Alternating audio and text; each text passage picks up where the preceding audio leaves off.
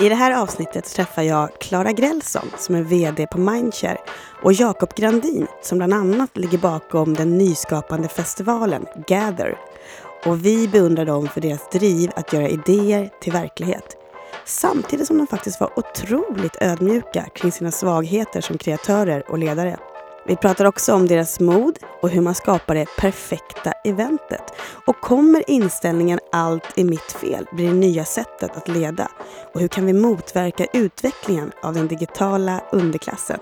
Och vad är egentligen orgasmupplevelse? Och är det viktigt? Jag heter Anna Arvidsson. Du lyssnar på Våra vänner, en podcast av Bonnie News Brand Studio. Nu kör vi!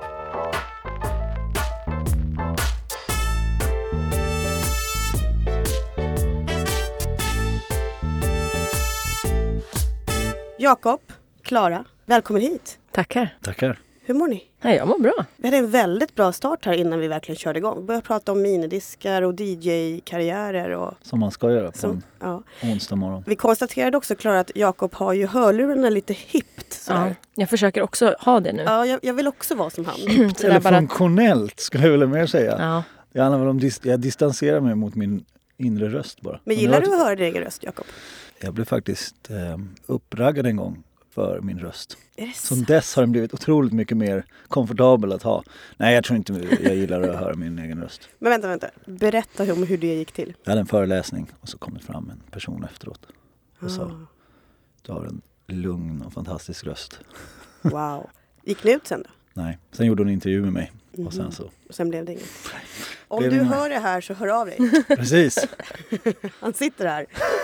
Hörni, innan vi drar igång så tänkte jag att jag bara skulle vilja testa några frågor på er som ni inte har fått innan. Kul! Ja, jag vet. Ehm, vi kör på en gång. Mm. Klara, Mm. beskriv dig själv med ett ord. Energisk. Jakob? Briljant. Alltså, wow! Bra. Jakob, hur konstig är du på en skala 1 till 10? Mellan sju och en halv och nio. Sen går man över till någon form av psykopatiskt. Har du fått höra det förut? Mm. Ehm, jag tror inte att jag är så konstig. Det låter lite tråkigt nu så jag landar nog kanske bara på en femma. Men den är ju intressant. Vad, vad, för vad är konstigt för dig, Jakob? Ja, men konstig är väl ett... Det kanske är ett feldefinierat ord men, men konstig är väl att man skiljer sig väldigt, väldigt mycket från mängden i väldigt, väldigt många sammanhang som är väldigt normativa. Mm. Om man ska vara konstig. Både, alltså jag konstig kan nog definieras utifrån ett, ett utseende, ett uttryck eller ett tankesätt. Så där skiljer jag väl mer åt. Jag är väl inte speciellt konstig i mitt sätt att, att klä mig eller sätt att ha mitt hår eller... Konstig är ju lite negativt laddat tycker jag. Ja. Du Hade du sagt speciell eller så här annorlunda då hade jag nog tyckt att det var så här, lite mer åt det positiva hållet. Det här är intressant. Vi har ju de här frågorna när vi rekryterar människor på News Brand Studio. Ja. Eh, och det blir alltid härliga diskussioner. Det är också intressant med de här frågorna därför att man kan inte riktigt förbereda sig för dem i en rekrytering, alltså i en intervju. Nej. För då har man ju så här, har du många bollar i luft, luften och vad är dina styrkor? Liksom. Då ska man alltid försöka säga någonting, en, en svaghet som egentligen inte är en svaghet utan som, som blir en styrka. Exakt, jag är för ordningsam. För när jag kom in, alltså konstigt är ju ofta ett, ett annorlunda, lite negativt möte med omgivningen. Skulle Mm. jag vilja säga. För idag blev det lite konstigt när jag kom in och så satt ni där borta Mm. och så skulle jag antingen komma fram och hälsa eller ta en kaffe. Alltså det är ett konfundersamt tillstånd, konstigt. Mhm. Jag tyckte inte alls det blev konstigt. Nej, inte Nej, men det är ju en känsla oftast som, som jag bär när jag tycker någonting är konstigt. Det är Jakob det är fel på. Ja, Här jag sitter tror det det. två tjejer som bara, nej men det blev ju svinmysigt. Vi kramades. Ja, då blev det ju mysigt. Det Ja. blev jättemysigt. Men konstiga tillfällen är ju ofta såna här snabba uppenbarelser för mig i alla fall. Jag tycker konst är väldigt positivt. Jag Ja. gillar ju det. Att man Mm. är lite... Det, jag, jag är nästan så att jag drar det till galen fast på liksom ett empatiskt sätt. Mm. Mm. Ha, nog om mig då. Eh, Klara, när är du som mest lycklig? Ehm, Det är nog efter att jag har eh, tränat eller gjort eh, mål i innebandy. Mm. Det finns någonting i när man får både liksom använda kroppen och ha lyckats med någonting och så gör man det som ett lag. Det här är intressant. Jag har ju läst på om det Jakob. Du är en gammal idrottstränare. Ja, precis. Mm. Har du samma känsla? Innebandy, det är superkul ju. Det har jag aldrig kunnat spela. Innebandy har aldrig varit din grej? Nej, men Basket eller? basket var. Jag Mm. har spelat igenom de flesta sporterna. Men idrottslärare var otroligt svårt faktiskt. Jag vill prata mer om det sen. Det är Ja. kul att koppla det till ledarskap. Vi kommer tillbaks till det. Eh, Jakob, du äger en billboard under en dag på något fett ställe. Vi, vi säger Stureplan då om man nu tycker Mm. att det är fett. Eh, vad ska det stå där? Det ska stå uh, We will change the world in seven days. Jag har faktiskt designat en billboard för Gather som skulle vara på Stureplan. Ja. Ja, som det skulle nog stå så på. Men var det för att Gather var i sju dagar? Det kanske hade en tanke om att vara i sju dagar. Klara, om Mm. du fick välja vem som helst i hela världen att äta middag med, död eller levande, vem skulle det vara? Man får säga någon i rummet, vill jag bara säga.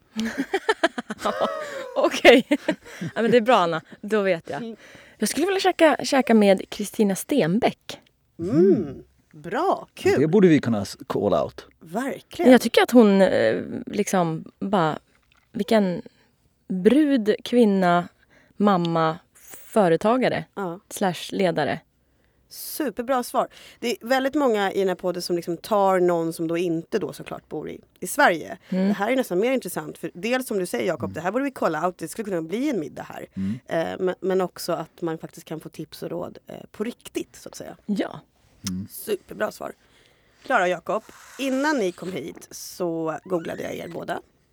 Och då är det spännande därför att om man googlar dig så är det som att du, du har ju Jakob en flygande karriär omnämns du som. Och du har en spikrak karriär. Jaha. Känner ni igen er i, i det här? Det kan ju kanske tyckas se som spikrakt ut om man, det man ser från utsidan men det kanske inte alltid känns som så själv. Från Bergs, Mm. direkt in på mediebyrån Mindshare. Jag var i Australien ett år också, harva runt lite. Ah, vad gjorde du där? Jag var på olika um, reklambyråer. Mhm. Eh, för det var, de sökte folk direkt från Bergs och så kände jag att jag ville hitta på något annat. Jag hade inte jobbat utomlands eller gjort någonting. Så att, för jag hade inte rest heller efter att jag tog studenten. Så då tänkte jag att nu, nu händer det. Mm. Så då åkte jag dit eh, och liksom var lite juniorstrateg på olika reklambyråer. Och sen så eh, när jag inte... För jag gjorde liksom så tre månader i stöten Mm. på varje ställe. Och sen så när jag inte hade jobb på det, då ställde jag min bar och serverade drinkar. Eh, och så fick jag något nytt jobb på reklambyrå och sen åkte jag hem. Och sen började jag på Mindshare. Och där har ju du, tänker mig, haft olika positioner. Du är född 1984 och är nu VD för Mindshare. Mm, Inne på ditt snart andra år. precis. Eller det här är nog andra året. Om du skulle ge några sådär från, din, liksom, från att du då kom hem från Australien till att du nu faktiskt är VD. Vad, vad, vad har hänt här egentligen?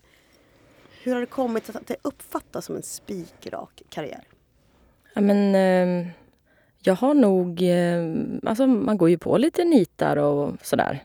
Eh, så att jag har nog bara försökt hela tiden att tänka att jag måste göra mitt bästa och, och att man får vara nöjd med det om man gör sitt bästa. Och sen om andra ser det som tillräckligt och kanske gör att jag ändå gör saker bättre än andra så kanske jag lyfts och går vidare. Men det är klart att det ändå är vissa saker som har varit tuffa eller svåra. Det är, det är jättesvårt också och eh, kliva upp i sin egen organisation, Mm. skulle jag nog säga. Ehm, för de som jobbade också när jag började, vissa är ju kvar också. Just det. Och det blir ju ett sätt att här, hantera både från, från mig och dem. Men Mm. jag tycker överlag så går det väldigt bra så. Sen lär man sig varje dag.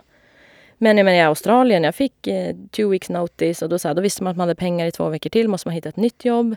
Och så sen så ehm, hade jag en, eh, en sjukdom så jag hade så början till livmoderhalscancer som man måste operera innan man åkte till Australien. Så man, man har ju egna såna privata bagagegrejer som man kanske liksom ska hantera samtidigt som man försöker jobba sig fram och Just. göra bra val och eh, så.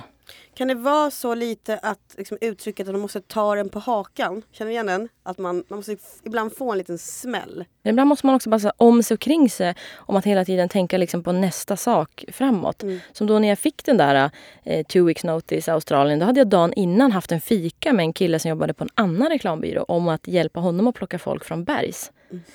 Så jag bara ringde till honom och sa det. Du, hej Pascal. Eh, Vi sågs ju igår men nu är det så här att jag har inget jobb om två veckor så istället för att ta någon från Sverige som inte kan komma på en gång, är det okej om jag kommer istället? Han bara, absolut. Kan du komma imorgon? Jag bara, perfekt. Så istället för att jag då var utan jobb, då hade jag dubbel lön i två veckor.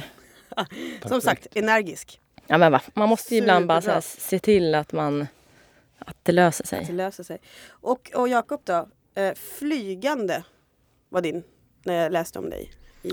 Känner du att det är så? Det, ja, alltså jag håller precis med vad, vad som sägs. Alltså, det frågan någonstans är om det, det, är karriären som, som tar en framåt eller om det är livet som tar en, tar en framåt och Mm. bakåt.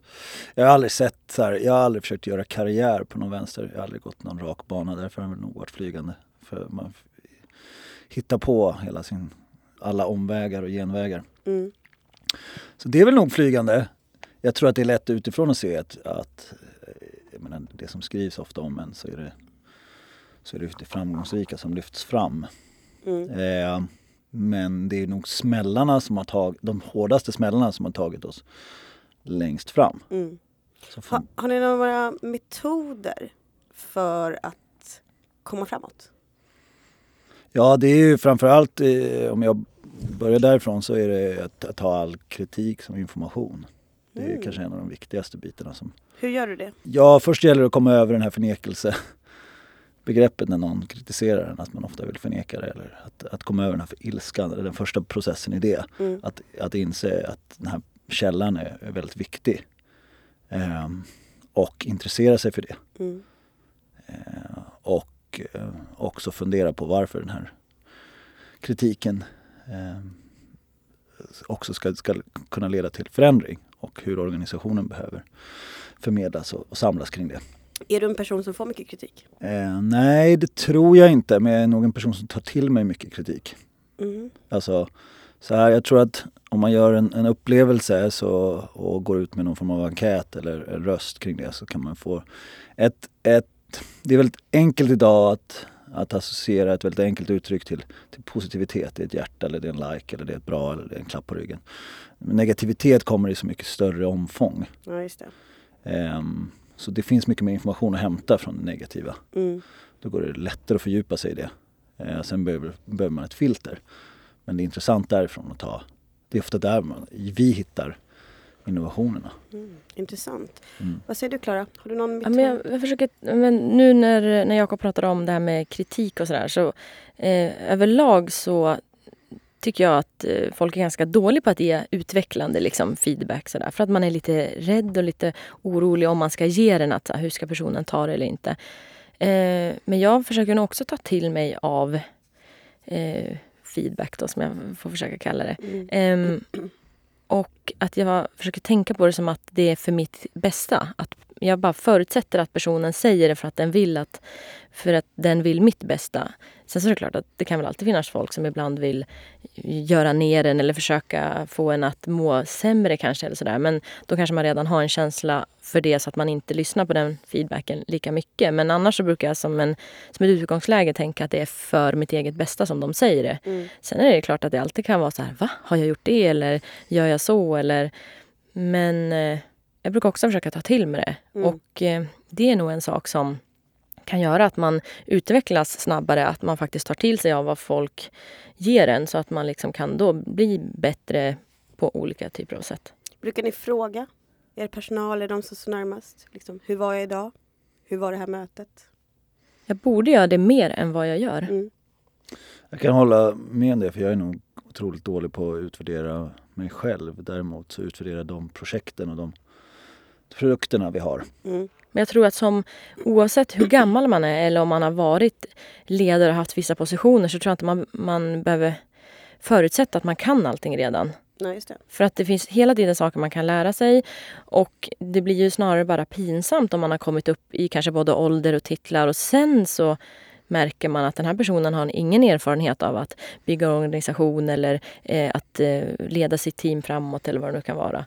Så då tänker jag bara att det är väl eh, man får väl samla in allting liksom, så fort man kan och ställa frågor. Så, ursäkta, vad, nu förstår jag inte. Eller, och liksom våga göra det då. För det blir bara ännu mer pinsamt om man inte har gjort det. Och något år senare så ska man så här...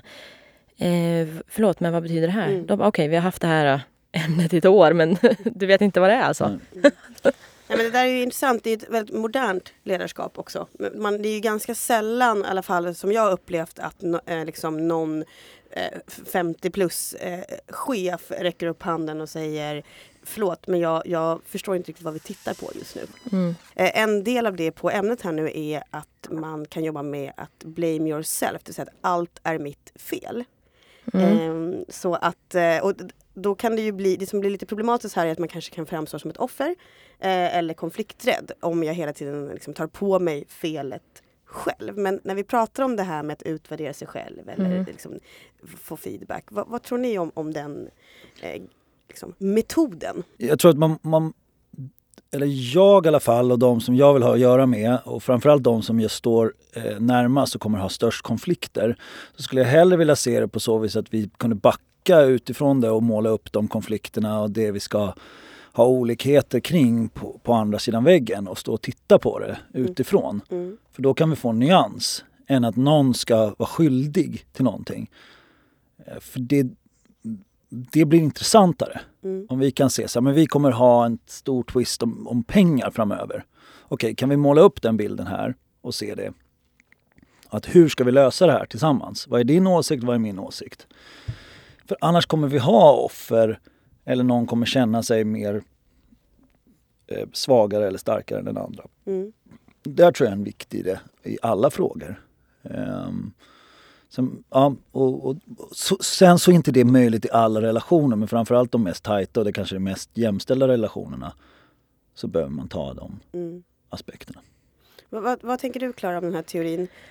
Direkt när du sa det så tänkte jag på att jag har ändå upplevt några gånger när alltså att jag har umgåtts med någon som eh, gav en instruktion och så förstår inte de som lyssnar och då han som gav instruktionen, förlåt, nu var det jag som var otydlig. Just det. Och, liksom, och så förklarade han igen Mm.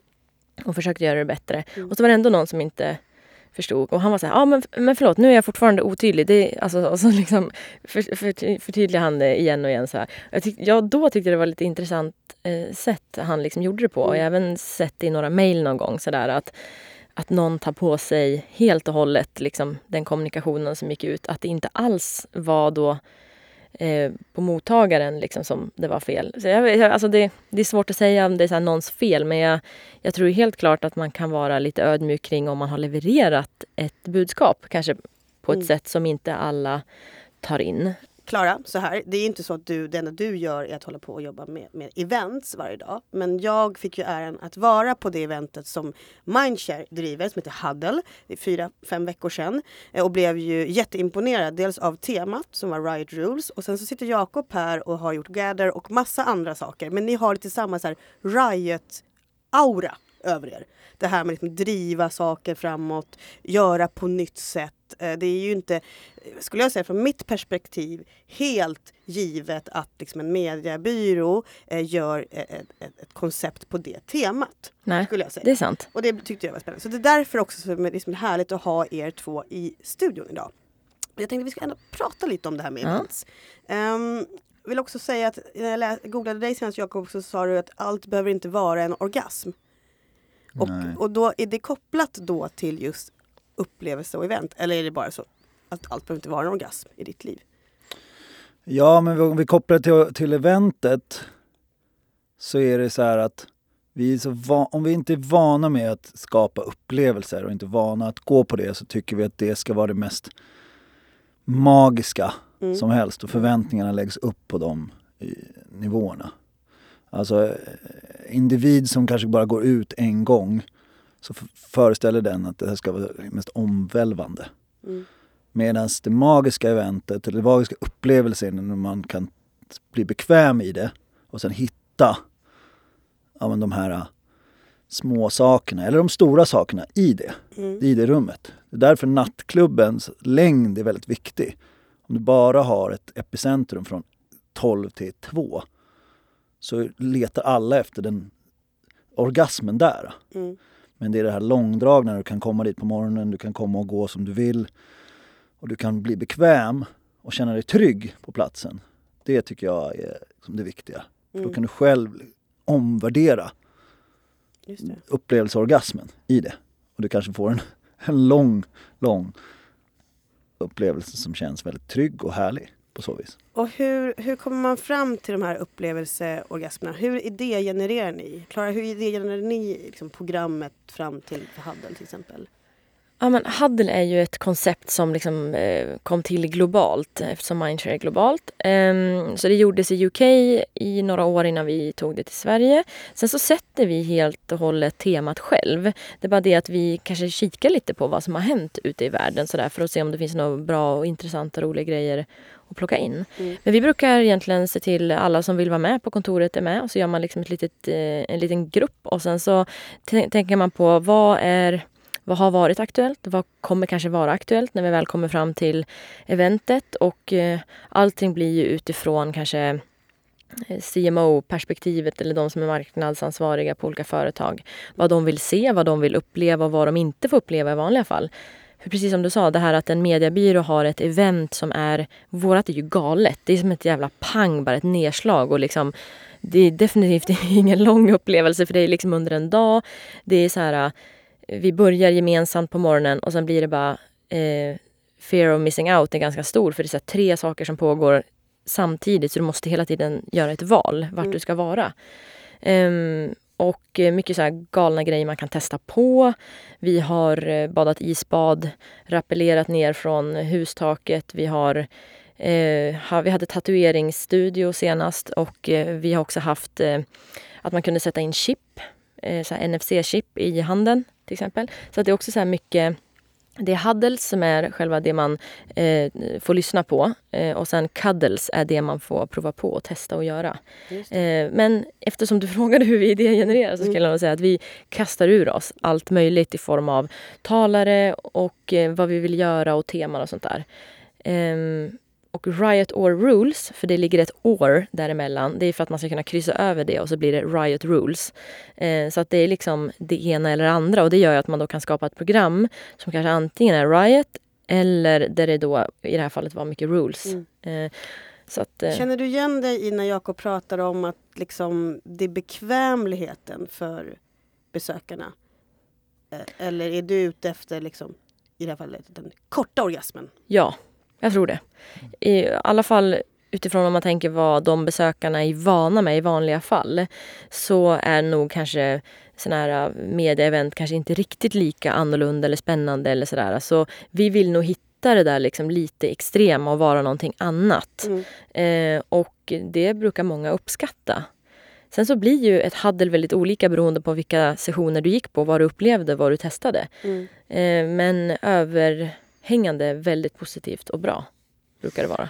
Det jag vill eh, liksom lägga till med till den här biten är ju att så här, jag tror att om man pratar med en, med en normativ målgrupp eh, som man kan ha van och gjort event för och som är vana att umgås med varandra och vana med en form av upplevelse så är det väldigt enkelt att förflytta dem till en annan upplevelse. Då tror jag på det här också mer hektiska, att ta dem helt utanför den så kallade boxen. Mm. Men vår målsättning med Gather det är två saker egentligen. Dels att, att bevisa att interdisciplinär, disciplinäritet och mångfald är nyckeln till innovation. Mm. Vilket gör att vi behöver samla oliktänkande och olikheter. Vilket gör att också vi behöver förändra det normativa sättet att uppleva saker tillsammans. Och där är tryggheten. Därför behöver vi ta bort det stereotypa liksom, konferensuttrycket. Vi behöver ta upp, bort saker, hur, hur saker presenteras, hur man gör saker, hur, en, hur man äntrar ett rum, hur man kanske sitter i ett rum och hur man ser på varann utifrån ett rum. Men vi behöver få en acceptans där och den tar ett tag att bygga. Mm. Den andra biten är att så här, utifrån det måste det komma ut någonting. Vi kan inte bara träffas för träffandets skull. Det är också en långsiktig process mm. av att bekvämlighet visar på att så här, här kan vi faktiskt förändra, här kan vi faktiskt komma fram till någonting. Här kan vi ta beslut över stora och små Men frågor. Hur, hur, funkar det då? Jag tänker till exempel de som ni har bokat. Coachar ni dem innan eller får man liksom, här, går man på audition? Ja, du menar med talarna? Mm, ja. ja, för ni har ju både haft breakout sessions, ni har haft massa Precis. Inte bara liksom keynotes. Jag skulle säga att vi är väldigt långt ifrån vår vision av att komma hit. Vi börjar komma till första delen av att lyckas få människor att acceptera den interdisciplinära mångfalden i, i form av frågeställningar och, och, människor i rum. Vi brukar säga att vi liksom, vi ser, mångfald definieras utifrån kroppar, eh, personligheter och kunskaper i rummet. Och, och, det gäller acceptansen, att, att ha högt i tak över det. Där börjar vi hitta hem.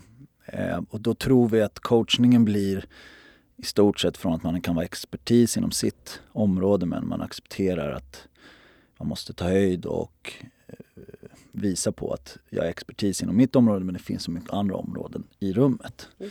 Eh, sen har vi 140 programpunkter så vi har liksom inte tid att, att coacha ner alla. Jag skulle önska att vi kunde göra det bättre. Mm. Eh, där vi går mer in i fokusområden, alltså våra labbprocesser, ja, men där är det ett mer coachande. Men där behöver vi komma ännu längre för att kunna bevisa att vi faktiskt förändrar någonting också. Det, det som du pratade om nu Jakob är otroligt spännande. Eh, ligger det liksom i ditt DNA? Har du med dig även det som ledare? Ja, alltså förändring är, ju det jag jobbar med i alla organisationerna. Att driva förändring och faktiskt intresserad av hur förändring går till. Så det är väl, det är inte i DNA utan det kom väl någonstans när jag började växa upp i den rollen jag haft. Alltså Mm. hitta människor som var bättre på att göra det, det verkställande så att jag kunde mer filosofera Mm. kring projekt. Och hur gör du det då? Hur, Eh, alltså, hur driver du förändring tänker jag? Eh, men förändring drivs framförallt med möten och samtal eh, och att ta in oliktänkande i rummet. Mm. Att eh, försöka spegla den organisationen man har med den visionen man har. Men hur får man alla att tala då? Men jag tror att det är att experimentera hela tiden med att utforska och verkligen höra på vilka som är i rummet. Mm. Ehm, jag tror också det att testa, precis som du var inne på, testa olika typer av metoder, både snabba och långsamma. och Se vilka som funkar, vilka som får komma till tals i det här. Mm. Eh, och hela tiden känna av en känsla. Och det vi var inne på, ta kritiken.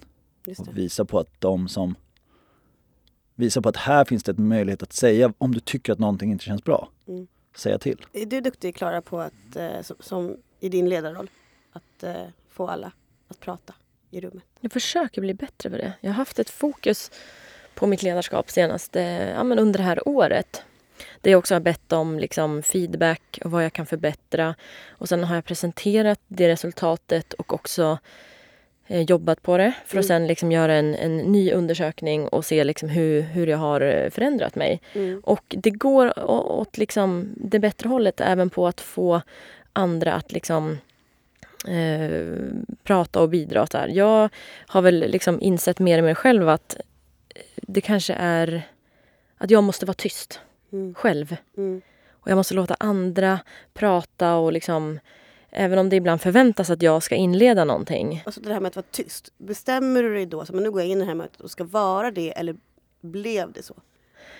Det kanske inte... Alltså nu har jag i sådana fall bestämt mig för det. För jag har liksom tänkt det lite som en så här tanke att jag behöver inte alltid vara den som... Alltså jag kanske öppnar upp mötet men jag behöver väl inte vara den som har svar på mina egna frågor. Mm. Men ibland så kan man bli lite stressad. Jag kan bli lite stressad över att det är ingen som vill svara. Och då vet jag egentligen inte varför de inte vill svara. Det här är bara generellt Mm. kanske i min omgivning om det är så att, att de tror att de säger fel eller om de faktiskt inte känner att de har någonting att komma med. Mm. Så det vet alltså så här, Men överlag så tycker jag att man brukar komma igång med bättre dialoger, diskussioner om man låter folk tänka lite också. Mm. För har man inte förberett dem med, med frågor eller ämnen eller sånt där då, då kan det vara svårt att bara direkt så här, hosta ur sig värsta grymma svaret. Mm. Så att har man möten eller heldagar så här, då är det bra att skicka agenda, skicka tankar. Försöker lära mig bättre här med att checka in Ja, det. Mm. och sen checka ut liksom i slutet så att man... Ja, Mm. och med det här med förväntningar och, och då vet man deras förväntningar. Då vet man också om man upplevde, alltså om man levde upp till dem i slutet av dagen till exempel. Ni båda är ju otroligt snabbtänkta måste jag ändå säga eftersom att de här snabba frågorna ni fick i början var ju inte förberedda och ni nailade dem direkt. Eh, känner ni att det kan vara, det som du pratar om här är ju att det här med att man måste förbereda människor så att de också är med i, liksom, i, din, i din hjärna som är väldigt snabb och även, även du Jakob. Har det varit en utmaning i ert liksom, ledarskap? Jag vet inte var det kommer ifrån men jag, kan, jag tycker att det är eh, en förmåga som både eh, tar mig framåt men också ställer till mycket problem. Mm. Framförallt låta andra tänka, låta andra ta initiativet för att få saker gjort. Och då behöver jag ta ett steg bakåt. Jag satt på ett, ett samtal med en, en politiker som sa igår en väldigt smart sak. Att, så här, att gå in i politiken det första året och tänka att, att jag ska förändra, det är omöjligt. Mm.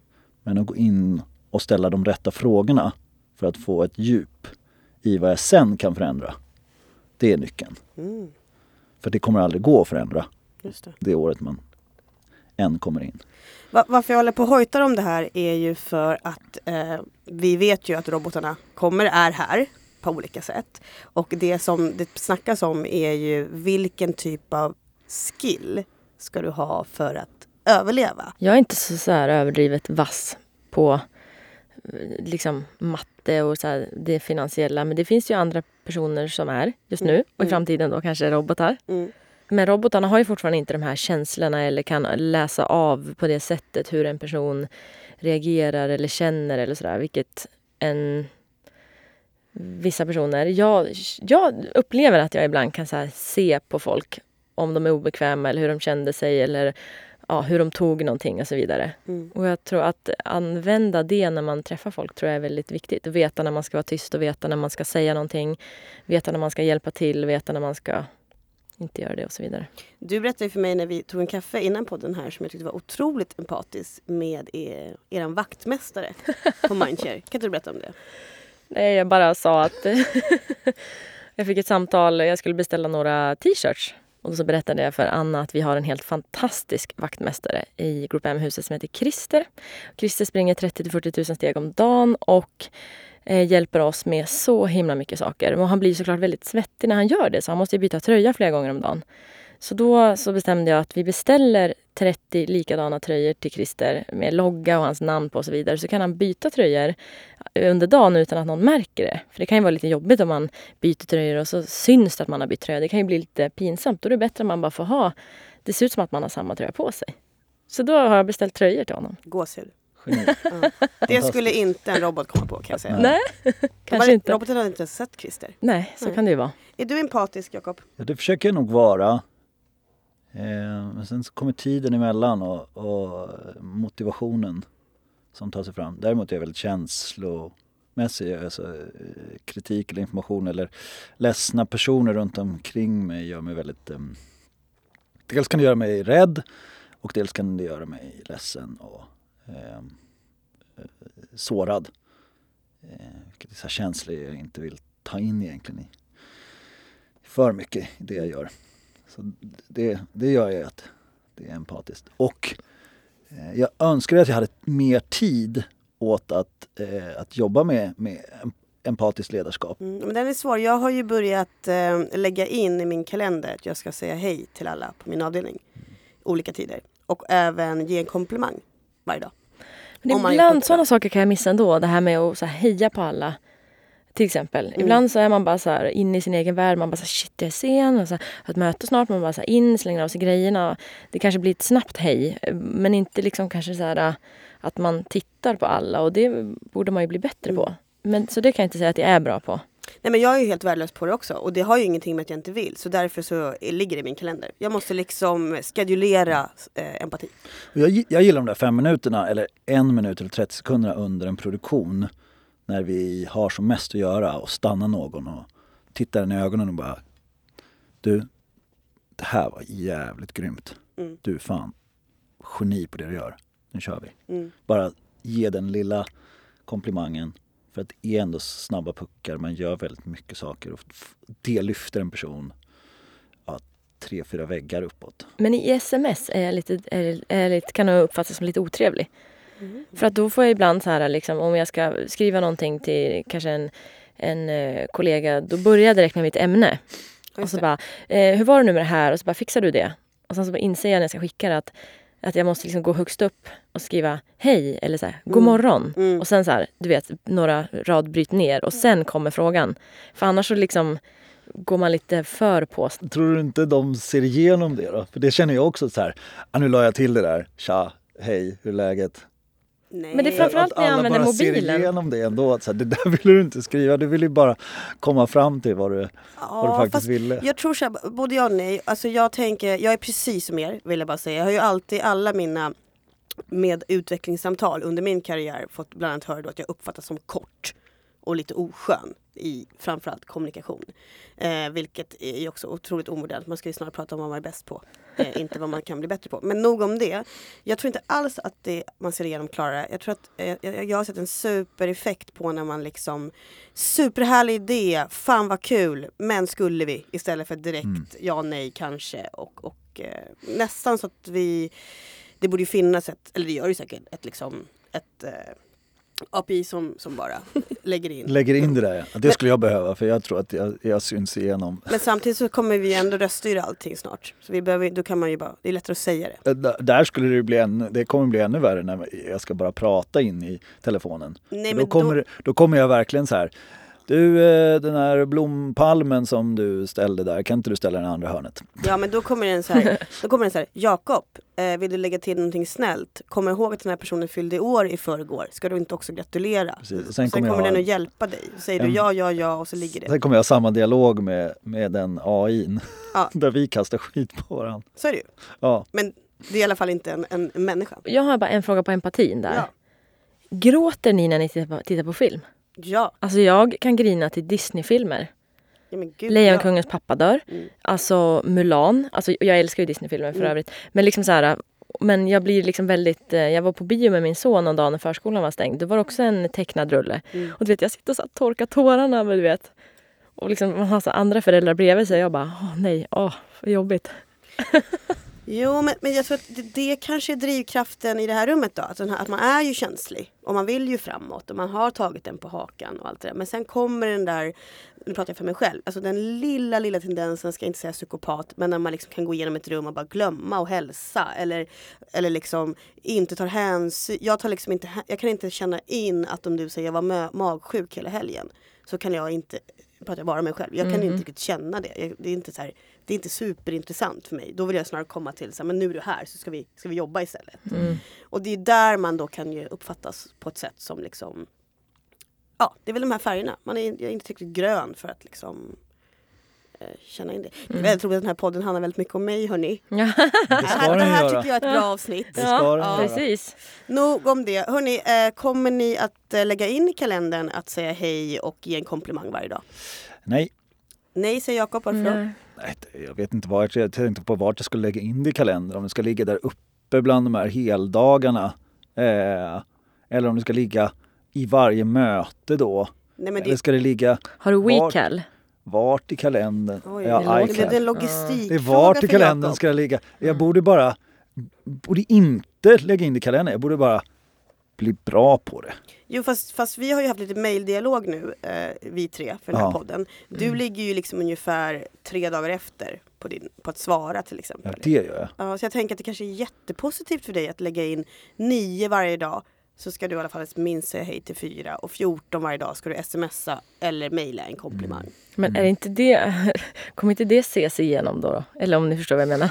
Men jag tänker att, Så sitter folk och egentligen- lyssnar här på vad vi säger också kanske. Jag, Ja. jag tänker så här. Mm. Jag kan lova att jag kommer lägga in ett litet block i min kalender, lite tid för reflektion. Och då har jag kanske vissa frågor som jag ställer mig lite granna. Vad har du gjort för bra i veckan? Vad hade du kunnat gjort bättre? Och sen så har du gett någon positiv feedback? Har du gett någon utvecklande feedback? Det kanske kan vara sådana saker som man ställer sig själv. Och så gör man det där varje vecka. Då inser man så här. Svarar man nej på båda dem hela tiden på det med feedback, då kanske man inser så här att äh, men fan, till nästa vecka, då ska jag ju göra det. Sen så är det ju bäst om det kanske bara infinner sig spontant vid det tillfället. Just det. Som igår innan jag gick hem så eh, satt en kollega kvar och jobbade. Hon drog en presentation på vårt veckomöte i fredags. Och jag tyckte ju då att fan vad bra hon är. Och så här grundad, känns så här lugn och liksom saklig och alla förstod. Och, det var så här. Så, och då hade jag glömt att säga det till henne i fredags. Så då sa jag det igår innan jag gick hem. Mm. Och det kändes bra, tyckte jag. Och Ja. jag tror att eh, hon också blev glad. Jag är inte alls rädd för det där att det ska genomskådas för jag tänker att allt är bättre än någonting. Man ska inte heller ge en komplimang om det inte är bra. Det här Nej. var ett utmärkt exempel. Hon gjorde en svinbra dragning och så. Det är inte så att jag bara random. Det är inte så att ni kommer få liksom... Nej, du menar fortfarande ni att de kommer ju måste... alltså inte få en komplimang efter det här, för ni kommer tro att det inte är på riktigt. Eh, men eh, ja. Men vad tror ni då om teknik? Vi gillar ju teknik ändå. Ja. Men jag är inte svinrädd för, för robotarna. Har ni någon sådär som ni känner, det här skulle underlätta mitt liv? Någon, någon teknisk grej eller eh, Jakob, du har ju ändå ett ganska stort eh, framtidsscenario som att Gather är ju framtid i alla fall för mig. Va, va, hur kommer det se ut framåt? Liksom? Men den där, alltså, om vi bara börjar med det dagliga arbetet så tror jag att jag behöver ju då en, en, en assistent i det formatet som faktiskt kan svara på många frågor som inte jag kan. Mm. Alltså ta tag i det här med, med, med möten och, eh, och kalendrar. Svara på mejl. Sammansynka och svara på mejl och lösa mycket av den basic-delen. Mm. Alltså, min stora oro är dels hur vi bygger våra städer just nu och eh, alltså den, eh, den digitala underklassen och den klyftan som, som jag tror kommer bli. Framförallt när vi blir mer och mer beroende på, på snabb datatrafik eh, och det kommer segregera liksom, en digital underklass. Berätta om Eh, den digitala underklassen. Ja, men jag menar att vi kommer, jag tror att det kommer mer och mer vara på så sätt att, att vi sitter med en skara människor eh, som någonstans bestämmer det kreativa. Och sen så har vi en digital och lösning i mitten som sitter och utför det mesta. Och sen så har vi liksom en tjänsteklass. Och så ser samhället ofta delat ut som inte har någon koppling kanske till det digitala. Eh, och så som vi bygger också samhällen idag eh, och, och städer på liknar väldigt, väldigt mycket det här. Och framförallt med så här 5G och, och de mer starkare och större eh, introduktionen av, av, av datatrafik så, så tror jag det kommer bli ännu mer inriktat på hur man, hur man bygger samhällen kring, kring det. Eh, så där, den tycker jag är den stora oron. Jag är inte helt med. Jag måste Nej. få ett bra exempel. Jo, men då kan man ta ett exempel. Om vi säger då att vi utgår från att eh, som datatrafik och mängd data och hastighet kommer i framtiden kunna bestämmas lokalt Mm. utifrån ett företagsperspektiv eller en stad eller en kommuns perspektiv. Eh, och det kommer också göra att man kommer väldigt mycket längre fram utifrån det i, i utveckling. Och att man behöver individer som kan jobba med det. Och det kommer ta bort då, man kommer skapa en massa som gör att vi kommer ersätta en väldigt massa roller i samhället. Mm. Så tror jag att de personerna som inte har tillgång till det kommer komma så väldigt, väldigt långt det. ifrån det här. Mm, Så den segregationen Mm, kommer öka. mm, Eh, och det, den biten är jag orolig för. mm. För att det de kreativa näringarna blir större och större. Mm. Och så har man liksom tjänstesektorn som kommer flyttas längre och längre bak. I och med att det digitala, eh, eller AI eller vad vi nu ska kalla det, Mm. kommer lösa det. Det är otroligt intressant. Du jobbar ju med liksom, världens största kunder på olika sätt. Har ni, finns det sådana här diskussioner? Pratar man om liksom, framtiden? Och, och tänk, nej, vilka år är vi här nu Jakob? Vad är du? Är det 2049 eller vart är vi liksom? Ja, vi kan nog vara redan, det här är nog redan det som, som sker just nu. Så jag tror att vi är härifrån nu och framåt också. Mm. Och framförallt om det här liksom kritiserade det demokratiska landskapet av att vi inte heller har någon tilltro till, till både information eller, eller hur våra röster styrs eller vilka som beslutar över våra samhällen. Mm. Så kommer de verkligen isoleras. Har ni sådana dialoger?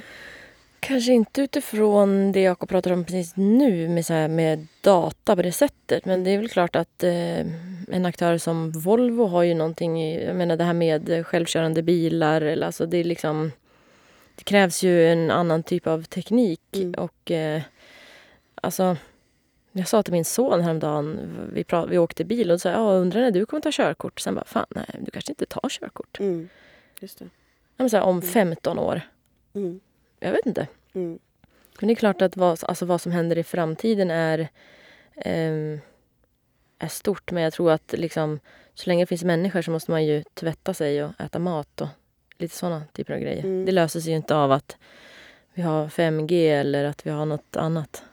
Jag, jag promenerade genom Stockholm från så här Hornstull och så genom, tvärs genom stan bort till liksom Vanadisplan. Och tidigare har man märkt att stan inte är helt utvecklad. Vi människor kan röra oss i rätt så här osammanhängande miljöer som består lite av olika lössläppta butiker och eh, någon, någon plats som inte riktigt var utformad. Och, eh, vi såg olika ut. Och, nu tyckte jag att det var en otroligt homogen eh, stad som man hade paketerat väldigt snarlikt. Allt var lite pittoreskt men nytt.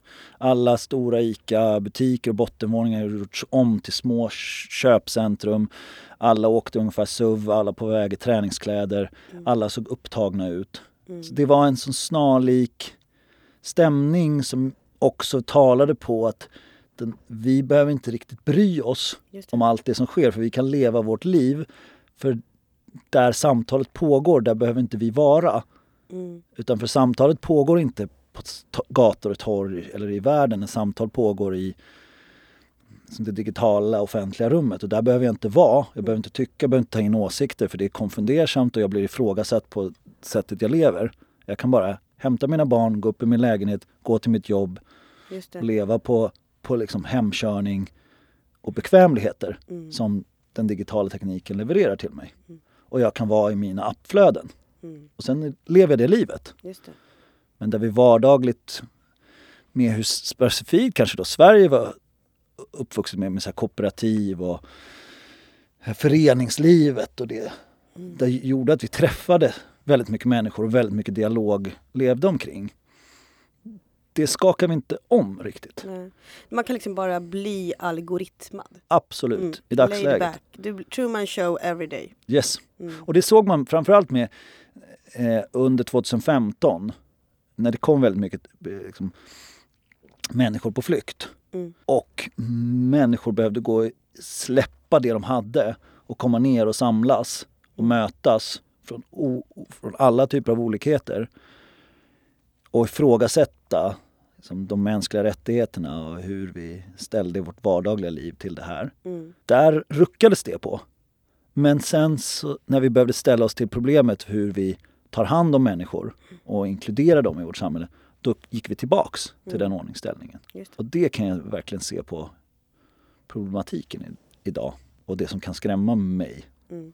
Också, och som så här, jag själv också tittar in i den bubblan som jag är i. Men eh, kan inte ni känna att det blir för mycket så uppkoppling någon gång? Att ni bara vill så stänga av, åka ut till en stuga och gömma er? Dra på raggsockarna, laga mat och titta på brasan. Och så ingen vet vart ni är. Finns det droger? Pass! Ja, men det är ju de, För i så fall ja.